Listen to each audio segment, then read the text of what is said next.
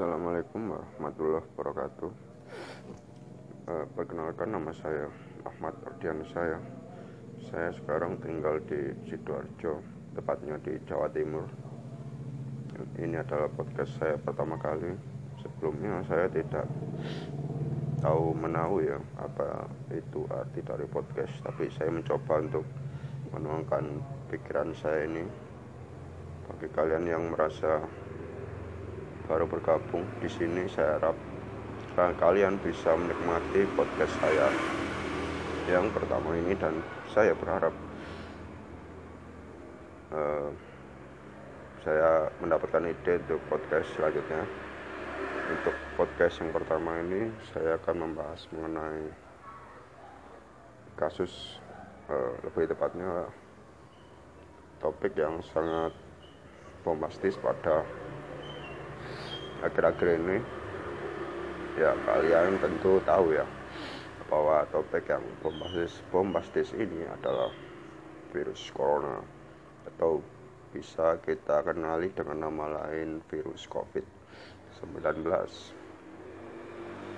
virus ini menjadi bombastis karena virus ini menular dengan cepat ya. Walaupun sebenarnya sebenarnya memang angka kematiannya kecil ya tapi menularnya ini cepat.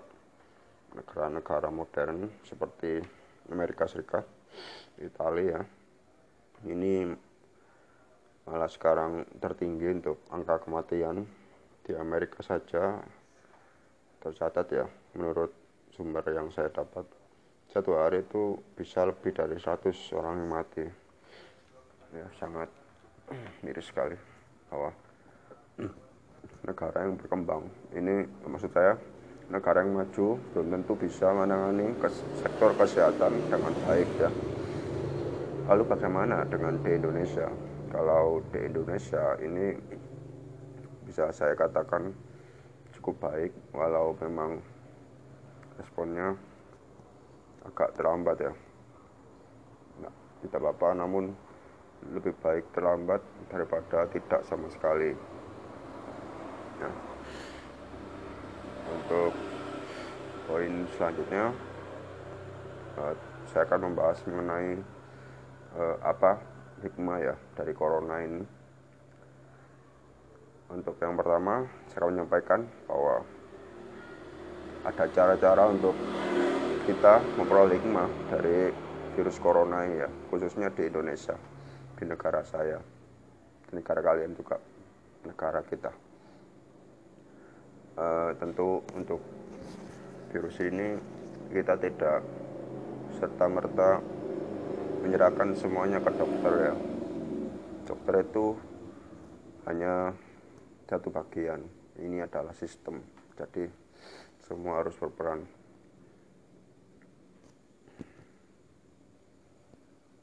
Jadi karena ini sistem maka ketika satu bagian itu bermasalah lainnya juga akan terdampak itu yang kita ingin kita terjadi. Ya untuk untuk bagaimana kita mengatasi corona ini saya memiliki banyak unek-unek di dalam DC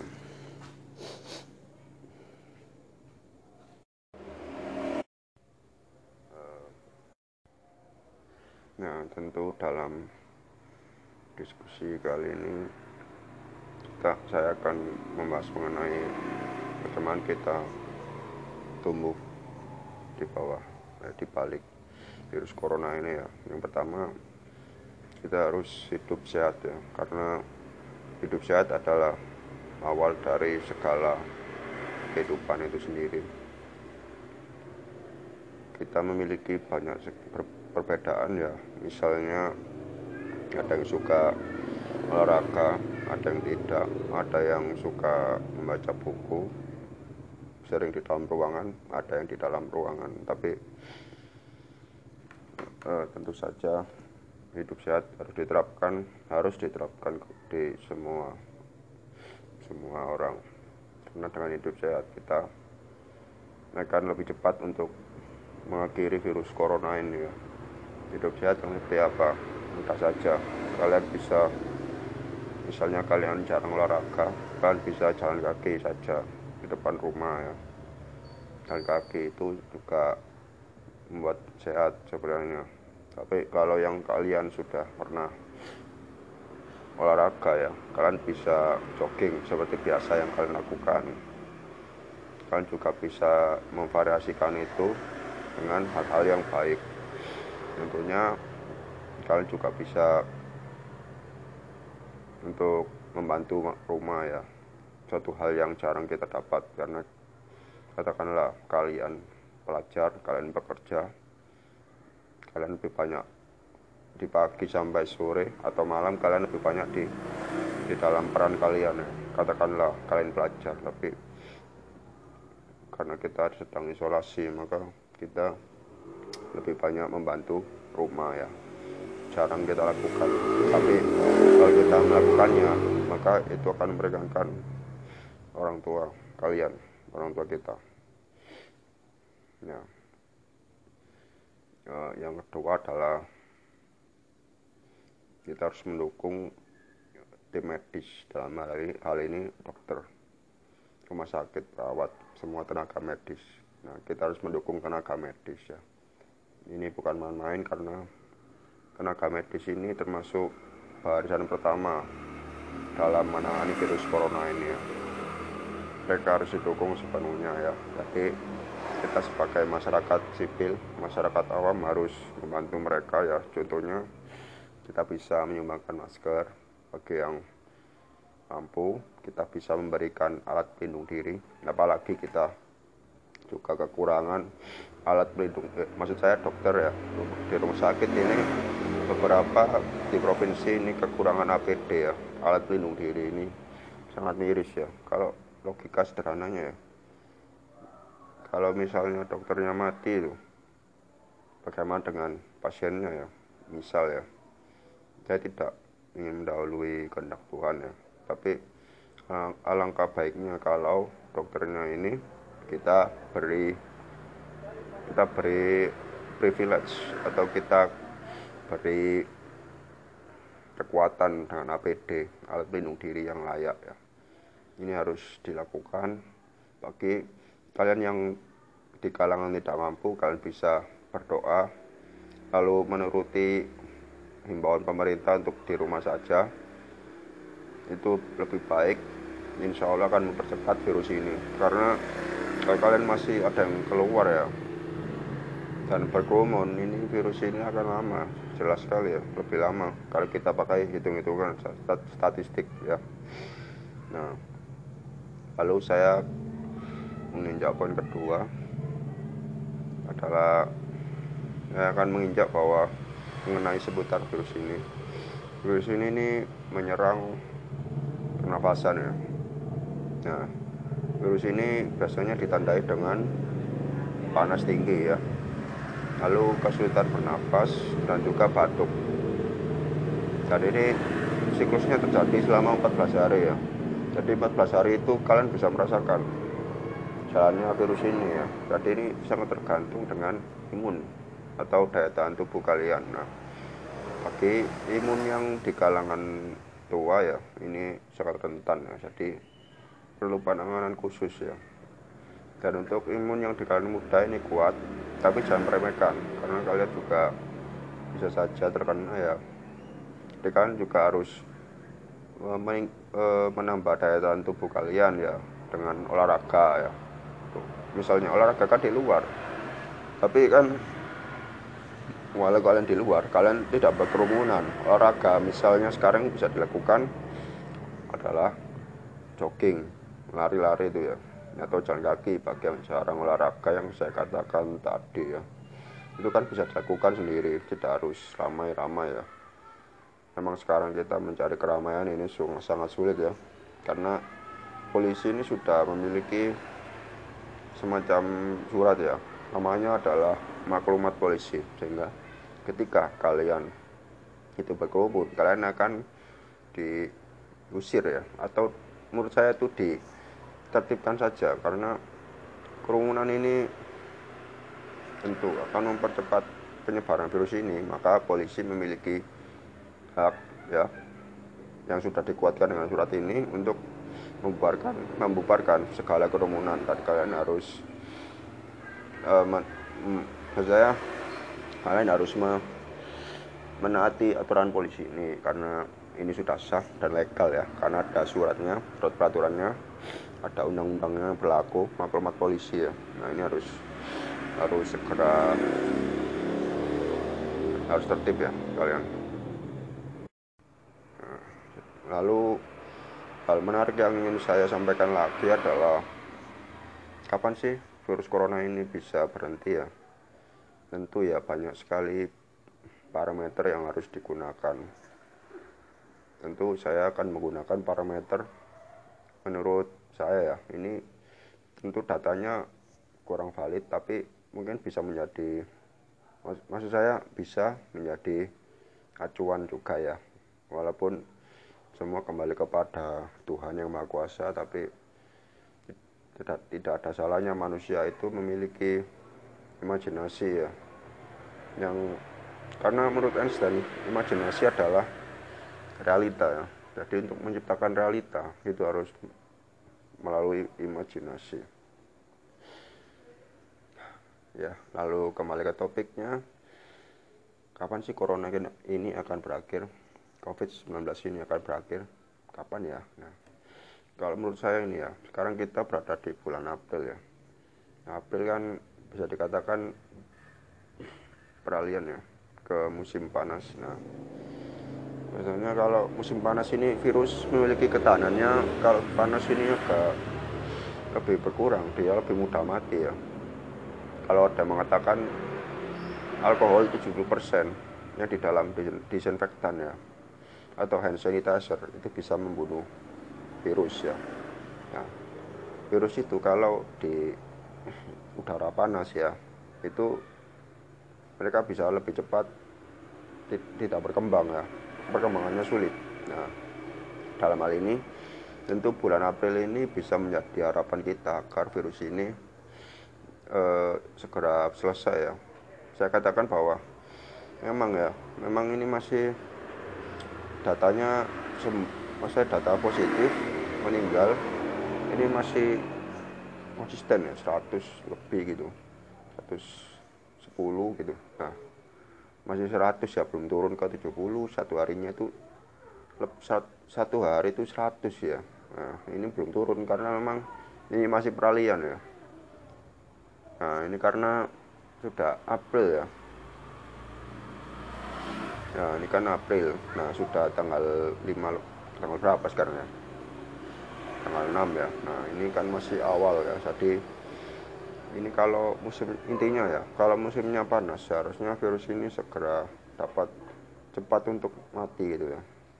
Tapi tentu tidak terlalu mudah untuk memprediksi melalui cuaca. Ini perlu perlu riset ya. Jadi di sini pemerintah ya harus APBN harus juga dialihkan ke sektor riset kesehatan ya karena ini sangat penting. Karena saya lihat bahwa pemerintah ini terlalu banyak apa ya pembangunan yang dipikir. Padahal membangun sumber daya manusia ini juga penting ya. Di sini sektor kesehatan harus diperkuat juga. Memang kita memiliki banyak sekali kemajuan di sektor pembangunan ya. Infrastruktur sejak zaman Jokowi Joko, sejak zaman Jokowi menjadi presiden Indonesia. Nah banyak tol ya bandara di mana-mana tol di mana-mana. Papua sudah jalannya modern ada tol luar biasa tapi sektor kesehatan ini tidak terlalu signifikan jadi perlu penambahan anggaran ya.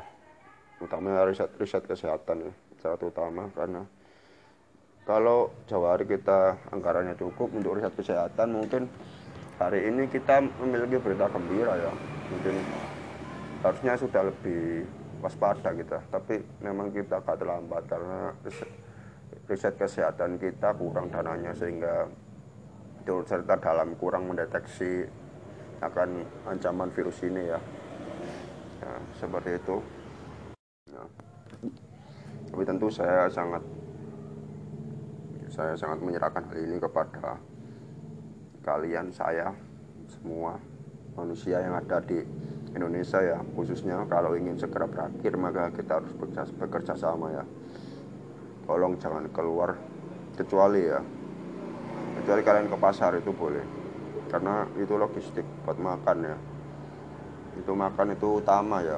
Jangan sampai kalian nggak makan. Makan minum itu pasti kan jelas ke pasar ya. Ke mana lagi coba? Nah itu juga itu boleh kalian keluar kalau ke pasar ya. Tapi selain itu kalau bisa jangan keluar ya supaya virus ini segera berakhir. Itu yang saya bisa sampaikan. Saya akan beralih ke topik lain ya. Imbas dari virus corona ini adalah kita tidak boleh kerumunan ya. Hal yang sangat sulit berdampak. Bagaikan efek domino. Nah katakanlah seperti ini kalian berkumpul ya. Ini konteksnya Indonesia ya di Indonesia, di Indonesia ini yang sering yang sering dilakukan yang sering dilakukan di Indonesia ini adalah menurut saya ya yang berkumpul itu itu adalah di warkop ya. Untuk kalangan bawah itu di warkop.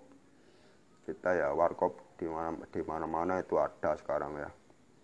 Dan mayoritas mudah sekali menemukan warkop di mana saja asal mempunyai listrik yang memadai. Nah, warkop juga e, memiliki wifi sebagai penunjang ya. Kopi dan wifi, dua hal yang dekat sekali dengan kalangan muda di Indonesia. Malah saya tambah satu lagi ya. Tadi warkop, wifi ya. Satu lagi itu budaya berkumpul, kumpul-kumpul, makan gak makan asal kumpul. Nah, wifi warkop dan kumpul. Itu sangat dekat dengan Indonesia. Nah karena sekarang kita kena virus corona nih ya. Jadi kita tidak bisa berkumpul-kumpul lagi ya. Itu hal yang sangat sulit kak menurut saya. Jadi memang perlu adaptasi ketika sampai polisi polisi meng, e, menertibkan itu juga mungkin ada ganjalan unek-unek di hati kita ya contohnya wah kok gini sih? Kan saya sudah menjaga jarak. Lo kan saya itu saya punya hak di sini. Tapi kan kita kalian harus paham bahwa memang standar operasi dari polisi memang seperti itu ya. Ini bukan karena apa-apa memang karena virus ini darurat ya. Ini virus yang sangat serius. Jadi harus harus semua kalangan ini yang saya katakan di awal tadi ini seperti sistem ya.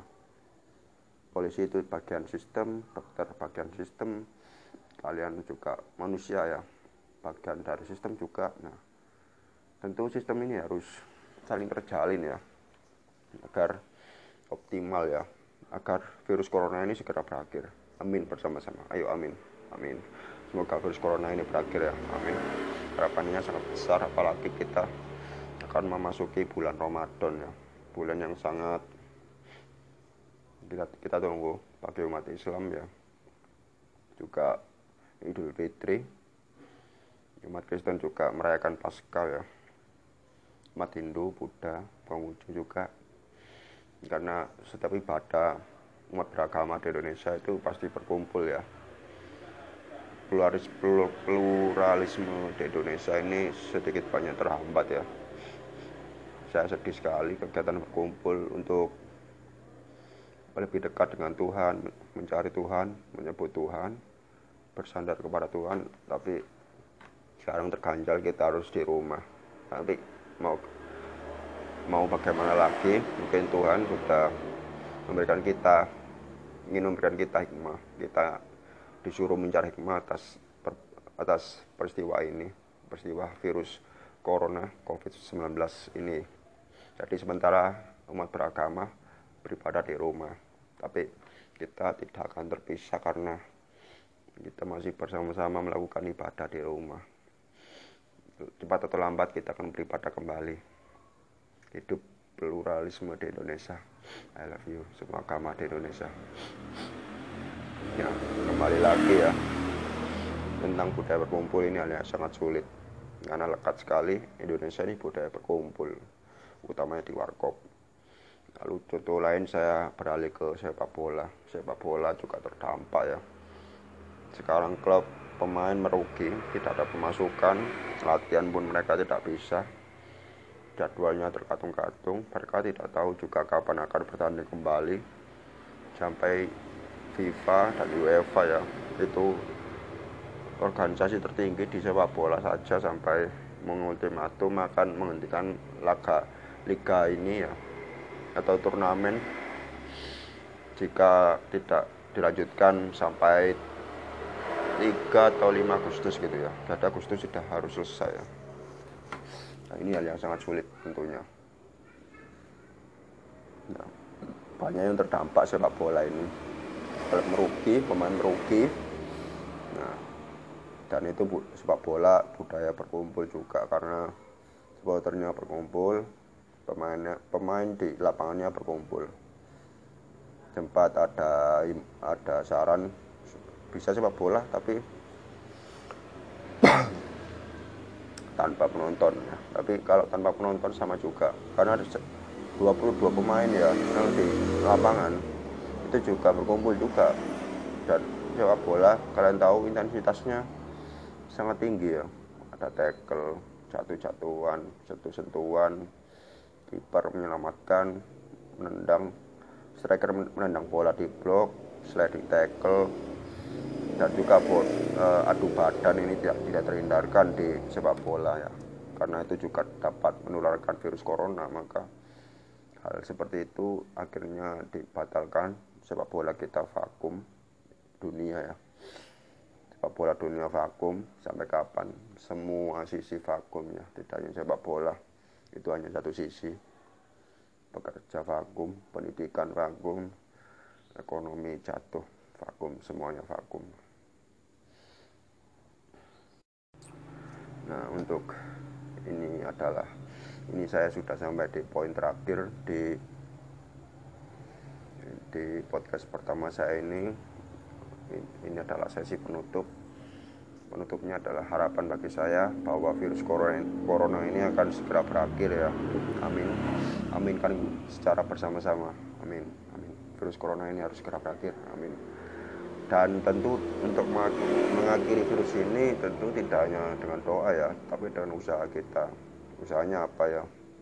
Ya kita menuruti anjuran pemerintah. Kita berdiam diri di rumah isolasi physical distancing menjaga jarak jauhi kerumunan ya. Lalu